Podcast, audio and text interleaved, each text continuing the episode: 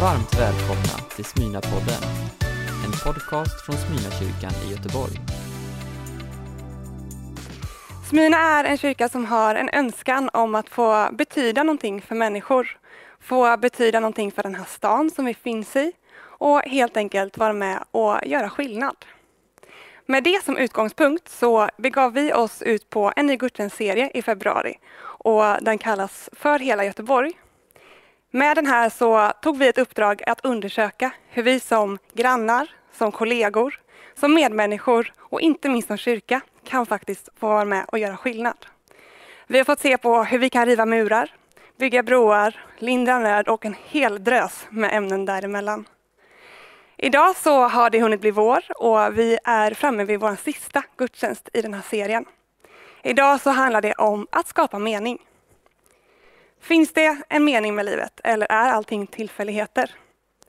Finns det någonting mer eller var det här allt? Vad är egentligen svaret på livets gåta? Det är stora frågor och säkert en av de mest frågade frågor sedan urminnes tider. Och det är det som Urban Ringbäck kommer att predika för oss om idag. En onsdag eftermiddag i april finner vi Smyna-pastorn Urban Ringbäck gående med raska steg för att hinna med Älvsnabbare-linjens gratisfärja från Stenpiran till Lindholmspiran på Hisingssidan. Han är på jakt efter meningen med livet. Han har fått tips om att söka i Lundbystrandshallen, inte så långt från platsen för Smynas nya kyrka i Frihamnen. Och där, i en av varvslokalerna för legendariska Lindholmens varv, finner han, om inte meningen med livet, så åtminstone något djupt meningsfullt. Varvslokalen rymmer idag en gigantisk idrottshall med fem fullstora handbollsplaner som används också för innebandy och fotboll. Här huserar fyra av Göteborgs handbolls och innebandyklubbar som genom sin ungdomsverksamhet ger meningsfull fritidssysselsättning åt mängder av unga göteborgare. Här görs stor samhällsnytta av hängivna ledare och föräldrar som lägger hundratals timmar på sina egna och andras barn och unga. De flesta av dessa unga kommer vi aldrig att se i landslagströjan.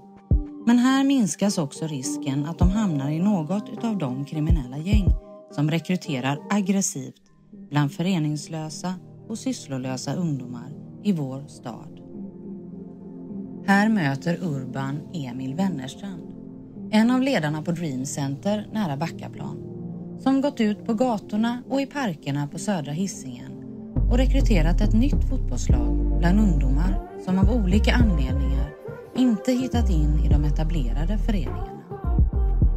Att se Emil och 25 ungdomar i intensiv matchträning, höra de korta uppmuntrande ropen, känna den oemotståndliga doften av gemenskap, transpiration och inspiration gör något med Urban. Han bokar in ett samtal med Emil, vars egen lovande fotbollskarriär tog slut i en skada. Ett samtal om att bryta sysslolöshet och skapa mening. Emil, jag är rätt nyfiken på att höra hur allt det här med Dream Centers fotbollslag började. Mm. Ja, det började egentligen, det var två killar som hade fått den här idén först då, för ett par år sedan. När Dream Center var igång. Och de fick inte ihop killarna. eh, ungdomarna, eller någonting hände, jag vet inte riktigt. Men sen när jag kom in i Dream Center, jag gick på trappa upp först. Så fick jag den här möjligheten med ja, Dana och Hanna vi, liksom att komma igång med Dream Centers arbete och ungdomsverksamheten. Och då låg det lite på mitt hjärta, men egentligen inte för att... Varför inte det? Nej, för att jag kände att jag hade lagt fotbollsskorna på hyllan. Jag hade skadat mig tre år tidigare och känt att nej, jag pallar inte liksom. Men nu plötsligt så gav du dig ut och det bara strömmade till eh, ungdomar, eller? Nej, inte riktigt. Du gjorde inte det? nej, nej. Det var, först så var vi ute, det ligger ju på Hjalmar, nära Hjalmar brantning. Ja. Så vi var borta vid Kvilletorget där. Och bort mot skol, skolan där. Ja. Och då var det ju typ Alltså typ tioåringar, för jag försökte ju liksom ragga till ungdomar sådär. Men så var det tioåringar och de tyckte ju, de var ju typ lite så här skraja, vem är den här gubben liksom? Som kommer. Gubben nu. Ja, jag är inte så gammal kanske men. Men, eh, och då frågade jag så här, för vi hade hyrt inomhushallen bara. Så jag fick ju ödmjuka mig där och bara, men snälla vill inte vara med och lira alltså. Ja. I hallen. Men eh, alltså de hängde med så vi blev ett par stycken. Till slut var jag så less att ingen kom så här bara. Så jag bara, men du kan inte du typ ringa din brorsa så, här. så han ringde och så bara sa rätt, så kör vi, jag bjuder på glass till vinnaren liksom. Och då kom hela, då kom typ 10 pers. Och sen efter det så har det liksom rullat på. Alltså varenda onsdag. Varenda onsdag. Ja. Och nu är ni 15-20 Ja, precis. ungdomar varje gång liksom. Ja, precis. Och det, det är mellan typ 14 och 18-åringar som, som kommer. Och ni är på väg att, att bilda ett riktigt lag och gå in i... Börja med korpsystemet. Ja, golfsystemet ja. Men det är väl också för att eh, jag inte, jag, den här liksom lågan har tänts på liv i min, att jag kan ju vara spelande tränare också så. Ja. Men Du får det är spela bara- själv också. Ja, ja, ja precis. Men det är, de ska ha kul och så får jag vara liksom som en farsa i laget om man säger så. Du, ehm, vad är det som gör att det här blir meningsfullt för de här ungdomarna? Jag ser ju glädjen. Alltså, och det är liksom alla olika ungdomar från alla olika bakgrunder som kommer. Mm. Och vi samlas där och vi, vi har kul. Alla är att med de- på samma villkor. Ja, men precis. Alla är med på samma villkor. Och det är det jag känner, är, det är det som är glädjen i dem tror jag. Att, och så just att jag ger ansvar till dem också. Jag vågar lita på dem att de, att de lite äldre ungdomarna så att jag har ju sagt till en kille att han ska vara lagkapten nu. Bara det är en, liksom, en grej som han, han har gått in för. Så att jag tror det är roligt liksom för Ja. just att de får ansvar. På vilket sätt... Eh, jag ser ju på dina ögon att det här har gett mening åt dig också. Ja men det har det. det jag tycker det är roligt. Alltså det var ju den, när jag hade liksom bestämt mig för att aldrig mer lira typ så, så kom ju den här och då var det som att det tändes det hoppet igen. Alltså inte för min, inte för innan var det att jag skulle bli stjärnan. Men nu är det lite mer att jag kan vara en före, eller jag kan kanske göra så att en annan blir en stjärna, förstår du? Ja, ja. Ja, så det, det känns typ bättre nästan. Det är ju rätt intressant det där. Du vet med meningen, och liv, meningen med livet Mhm. är ju en... Det finns 10-20 olika förslag på vad som ger meningen åt livet. Men en av de saker som alltid kommer igen, det är ju att få betyda någonting för andra människor. Mm. Ja men det håller jag med. Och det är, det är ett ställe där jag verkligen får, får göra det. Så att, nej men det är jag tacksam för. Eh, din egen fotbollskarriär tog ju plötsligt slut. Kan du berätta om det lite grann? Jag har alltid varit en idrottskille eh, då. Så jag har lirat hockey när jag var ung, innebandy och fotboll. Sen så, när jag var 21 så kände jag att jag ville ge det en riktig chans. Att, att det fanns ändå en möjlighet att... För jag har alltid haft talangen sådär. Så att, så att då kände jag att nej men jag ger det en chans. Och så, jag började faktiskt i division 7. Eh, och liksom vann, jag kommer ihåg att jag vann skytteligan där. Och sen gick jag ett, ett par säsonger. Sen så gick jag till division 3, vann, gick väldigt bra där, vann liksom skytteligan i laget. Och sen vet jag att jag skulle börja det var ju mycket snack då och det var ju att jag skulle gå högre upp. Och då började jag känna, shit det här är nära nu. Men så var det en träningsmatch innan liksom, säsongen skulle börja så eh, fastnade jag i gräset då så att hela Då var du på väg till division 1 då? Ja, något sånt. Och det blev ingenting tack vare den där grästuvan? Ja, precis. Vad gjorde det med dig då när det här, eh, det här tråkiga hände? Jag har aldrig varit skadad så jag tänkte att nej men det, det kommer gå över. Men det gick inte över och när jag hade byggt upp den här drömmen då att jag skulle att jag kunde lyckas och jag var på väg dit då då blev jag ju riktigt besviken på liksom hela livet liksom. Jag hade byggt upp allt kring den här liksom drömmen.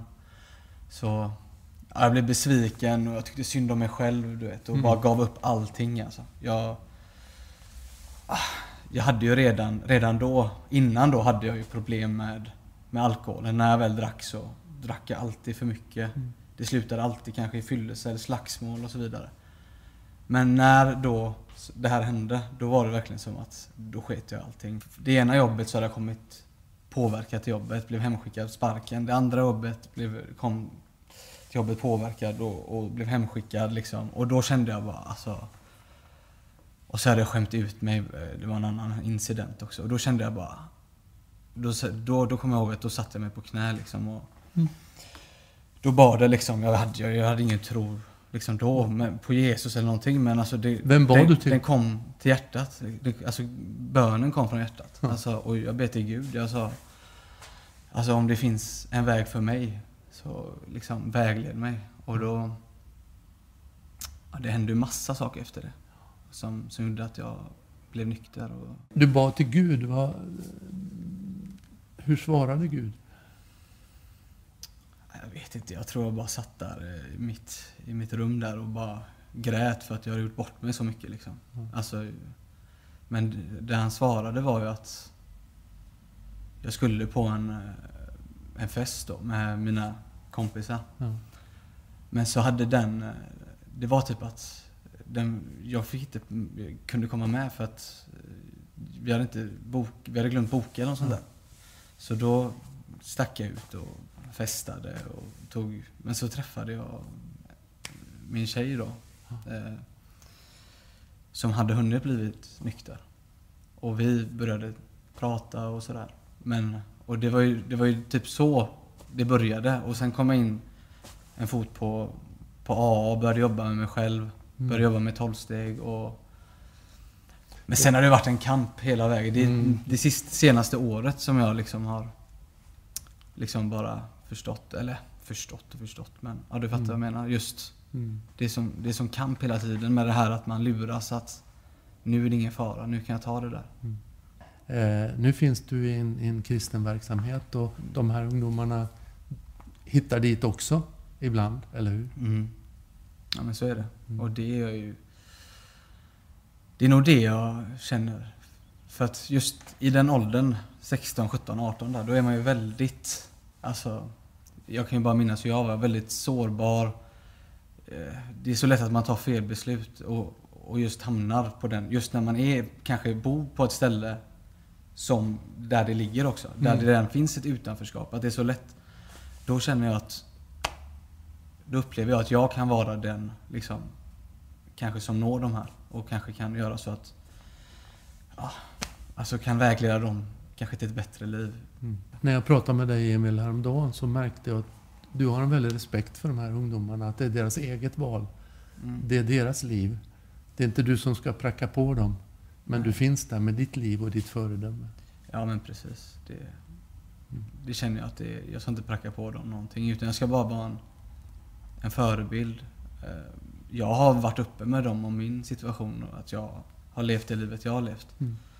Och det har, känner jag att de har liksom fått respekt för också. Att de ser på mig också att jag har gjort någonting bra och det kan jag hoppas att det, att det kan leda så att de ja, gör något.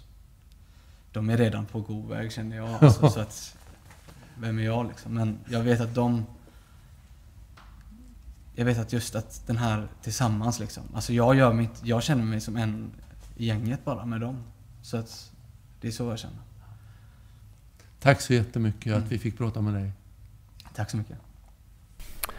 Jag ska strax läsa några rader ur en berättelse av Jesus om en man som ägde en vingård och gick till torget för att anställa arbetare. Så här står det. Vid elfte timmen gick han ut och fann några andra stå där och han sa till dem Varför står ni här hela dagen sysslolösa? Då svarade de honom Därför att ingen har lejt oss. Då sa han Gå till min vingård, ni också. De här verserna har levt i mig ända sedan den stora ekonomiska krisen på 90-talet. Vi kallar den för bankkrisen här i Sverige.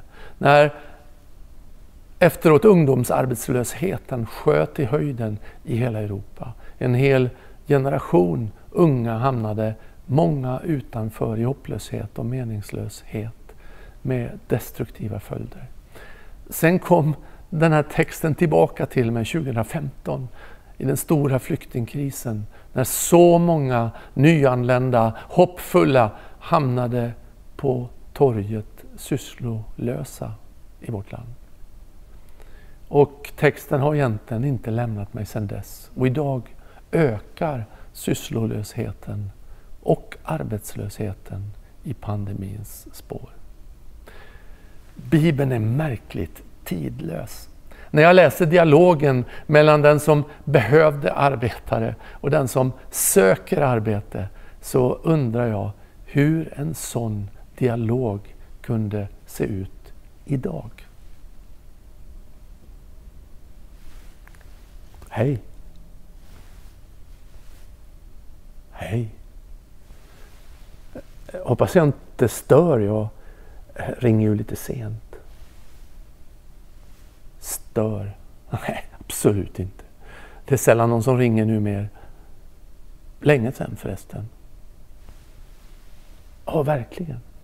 Hur är det med dig? Vet inte riktigt vad ska jag svara. Jämna plågor, det rullar på. En dag i taget typ. Du då?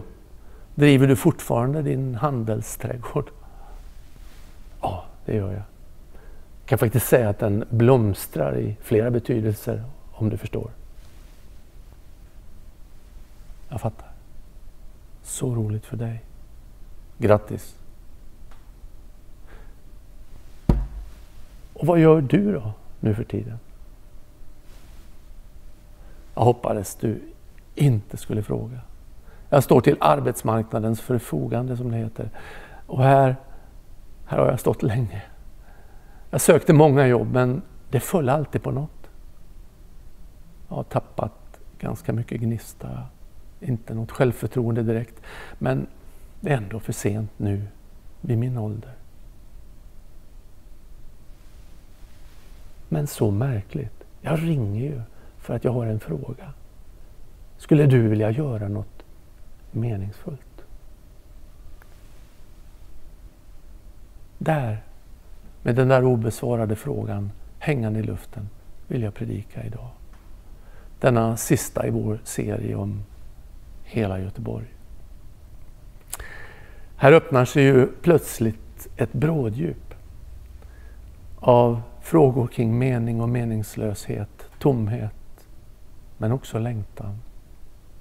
Det finns ett ord på engelska som heter nothingness. På finsvenska intighet. Men tomhet är ett mycket bättre ord. Men inget slår nothingness. Min mamma brukade säga tomma tunnor skramlar mest. Och det skramlar i vårt samhälle idag. Det skramlar av tomhet. Och det skramlet riskerar att öka i spåren av Corona. Det handlar ju på ytan ofta om något väldigt praktiskt, sysslolöshet, men på djupet om något andligt, meningslöshet. Och mellan dessa båda så går det en snabblinje som älvsnabbare, linjen mellan Stenpiren och Lindholmspiren här i Göteborg. Tomheten, trots att den egentligen inte är någonting, är farlig. Kan vara inkörsporten till så mycket destruktivt. Isolering, skam, självskadebeteende, drogberoende, spelberoende, kriminalitet och så vidare. Den kan få oss att öppna upp för allsköns ondska. Har du tänkt på att det finns ett sådant intresse hos människan för den onda världen? Det kan vara allt från kriminalserier, mord på längden och tvären, osunt intresse för det okulta, demoniska och det djävulska. Bibeln talar också om det onda med många bilder och namn men lämnar den stora gåtan om varför den finns i världen obesvarad. Kanske är det för att vi inte ska ge det onda för stor uppmärksamhet. Djävulen är i Bibeln en, inte en jämbördig utmanare till Gud. Faktum är att på sista raden i Guds stora bokslut är människan himmelshögt värderad men djävulen hamnar i Jenna, avskrädesplatsen. På sista raden är han ingenting, nothingness. Det onda kallas för tomhetens välde.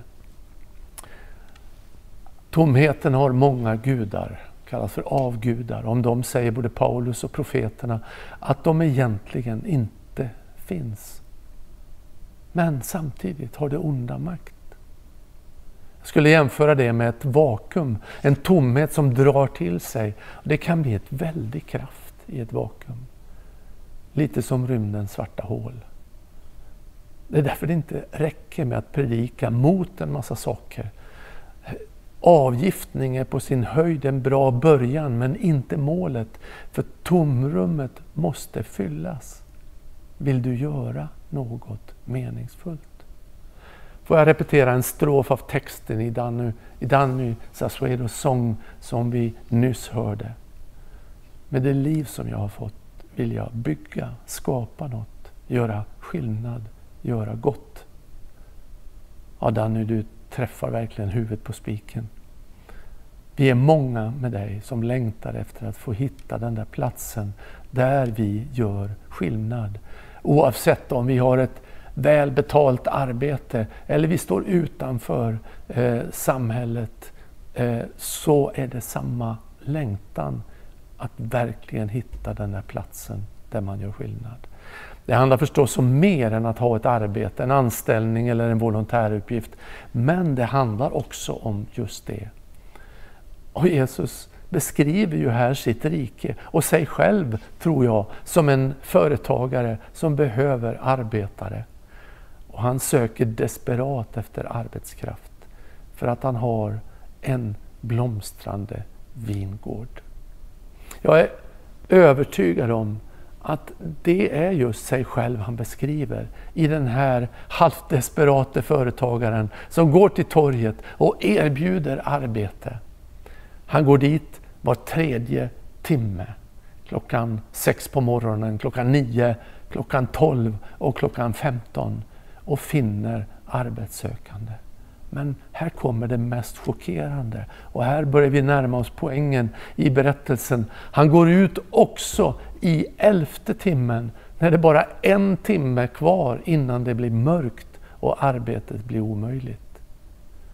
Till bilden av Jesus som en god herde som går ut i natten och söker ett förlorat får, så kan vi alltså lägga bilden av Jesus som en arbetsgivare som söker efter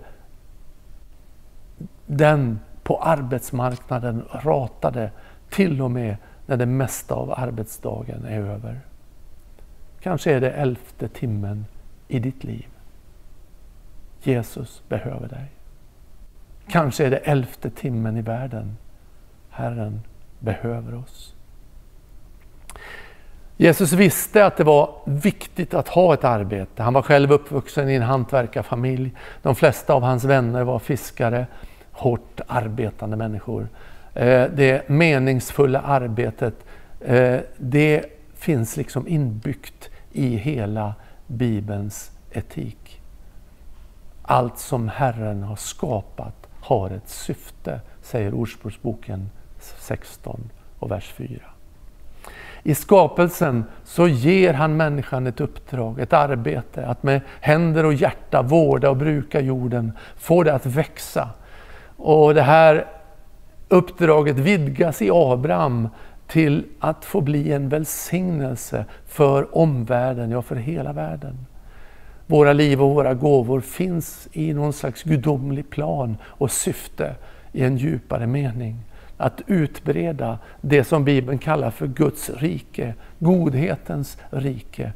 Eh, att rädda liv, att vara med och rädda världen, att ge en framtid och ett hopp. Men det hoppar inte över det där ansvaret för det dagliga brödet, försörjningen och familj. Vi ber till och med det i, hans, i Herrens bön.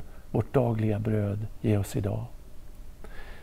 Och så här står det, vi är hans verk, skapade genom Kristus Jesus till att göra de goda gärningar som Gud från början har bestämt oss till.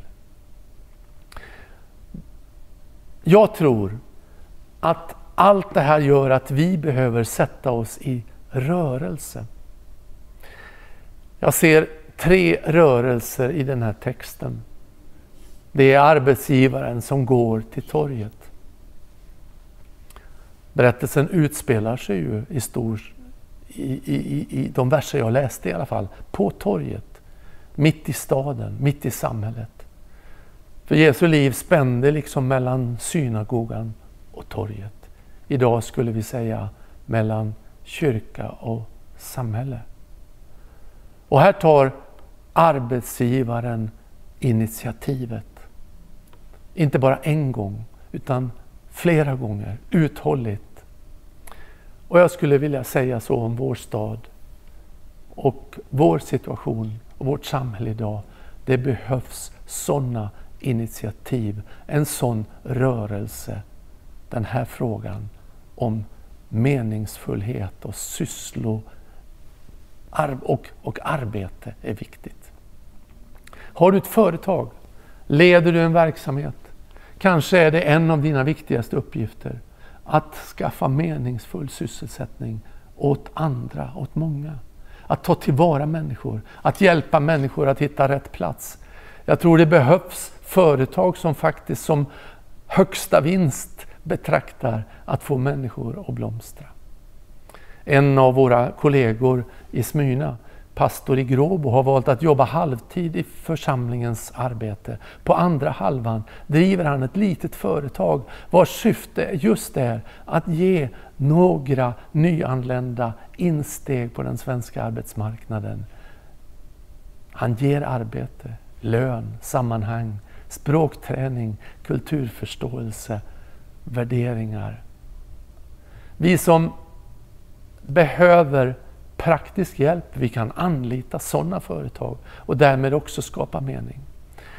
Ju mer jag skrapar på ytan i den här frågan så finner jag sådana här initiativ. Kanske inte jättemånga, men de finns där och det blir fler och fler. Allt ifrån hos våra multinationella storföretag här i Göteborg till mindre initiativ som exemplet från Gråbo. Men jag ser också en kallelse till oss som kyrka. Vi kan också vara som arbetsgivaren i berättelsen, göra som Jesus. Förflytta oss mer ut till torget, se verkligheten, se dem som ingen har frågat efter och ge dem en plats. När Jesus kallade sina lärjungar så var det inte bara till en tro. Det bland det sista han sa var att vi skulle göra samma gärningar som han och en av dem det är väl det här att bry oss om de som står på torget och behöver sysselsättning. Den andra rörelsen det är ju just de som går till torget för att få arbete, de arbetssökande. De gick och ställde sig på torget där möjligheten kunde finnas. Man hade satt sig i rörelse, ställde sig till förfogande. För mig som troende så börjar det här med mina böner till Gud. Be inte bara att Gud ska göra det eller det för dig eller för andra människor. Fråga också vad han vill att du ska göra för honom och för din omvärld. Är du inte van att tala med Gud, så tala som om det vore en arbetsgivare eller någon annan i din närhet. Du kan också naturligtvis Tala med en medmänniska du har förtroende för. För här är vi alla lika, oavsett vad vi tror. Vi behöver ibland hjälp att bryta meningslöshet, sysslolöshet, passivitet. Få hjälp att ställa oss till förfogande. Erkänna att vi längtar efter att få göra något meningsfullt. Eller kanske något mer meningsfullt. Det finns många möjligheter, många fler än vad vi tror. Det finns frivilliga organisationer. Det finns en kommun som frågar, ofta på sina hemsidor. Och naturligtvis så finns vi där i kyrkan. Men glöm inte att du inte får förakta det lilla. Ibland så blir det ett berg. Det blir omöjligt att ta sig över tröskeln. Men det lilla, det kanske du redan gör men inte ser, inte tror betyder något. Eller det du vill göra eh, och det du tror att du kanske kan göra i din familj, i ditt nära grannskap. Det du bedömer som en liten insats kan göra all skillnad i världen. Jag skulle kunna ge så många exempel på det. Det ingår i Guds plan att ditt liv ska vara en del av hans syfte för världen. Och i helheten så blir det kraftfullt. I Filipperbrevet står det så här. Ty det är Gud som verkar i er så att ni både i vilja och gärning förverkligar hans syfte. Du är förberedd för att i gemenskap med en god Gud utföra handlingar som han har laddat med mening. Du kanske känner att livet har gått och du tappar tron på att det kan betyda något.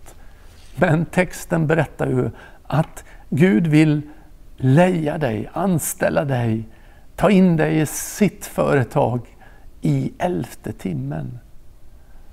En kort tid av livet kan göra en stor skillnad, betyda lika mycket i Guds ögon som ett helt livsverk som kanske är omskrivet och besjunget. Det kan vara ett tillfälle i livet också för en förändring på ett djupare plan. För väldigt många så har processen när man omvärderar och kommer in i ett nytt sammanhang, ett nytt spår och söker att få betyda något. Det kan också vara en viktig väg till en tro i sitt liv. Här i Smyrna så sörjer vi dessa dagar Lars-Gunnar, LG kallad. Han ställde sig först i kön bland alla de som kommer hit nästan varje dag för att få mat för dagen, mat till sin familj. Eh, och det var där vi mötte Lars-Gunnar. Men han hade knappt ställt sig här och tagit emot sin matkasse förrän han säger Kan jag få hjälpa till här? Jag har ändå ingenting att göra. Han kom i elfte timmen av sitt liv. Han var ingen van bedjare, men snart blev det hans uppgift vid den dagliga andakterna med eh, vår mannapersonal, för övrigt mestadels bestående av personer som Lars-Gunnar som har kommit för att själv få hjälp. Men nu är de med och ger hjälp. Hans uppgift, den tog han sig snabbt. Han ville leda bönen Fader vår, där man ber vårt dagliga bröd och man ber låt din vilja ske. I slutet av varje samling så ledde han med högtidlig stämma den bönen och alla stämde in. En annan dag, en gripande dag, kom han klädd i vitt. Från den vita kepsen på huvudet ända ner till fötterna och skorna. Det var den dag han skulle ställa hela sitt liv till förfogande för Gud i dopet. Och när han blev döpt här i vår dopkrav så var det en stolt Lars-Gunnar och en stolt församling eh, som fick vara med om den här upplevelsen att Lars-Gunnar ställde sig till förfogande. Det betydde enormt mycket och han, hans liv betydde enormt mycket för oss i personalen, i mannateamet och naturligtvis för alla de som han betjänade med mat nu är han hemma i den himmelska vingården och får sin lön i den eviga världen. Till slut så tror jag att så ser vi en rörelse i texten av att arbetsgivaren och arbetstagaren går tillsammans till vingården. Man brukar tala om win-win. Det vill säga att båda vinner, eller flera vinner på ett upplägg, ett initiativ. Emil som jag mötte i samtalet här. Han gör något djupt meningsfullt för de här ungdomarna, men också för sig själv. Emil är en del av Dream Center, ett initiativ för att skapa mening på så många olika sätt. Och hade jag haft tid skulle jag berättat om Hanna, om Dana, om Mia, Aron, Mats Peter, Bittan och många fler som har hittat det där samspelet. Att glömma sig själv, sätta andra först men att det också blir en välsignelse för det egna livet. För det mest meningsfulla för oss själva, det är faktiskt att glömma oss för ett tag, skapa mening åt andra människor.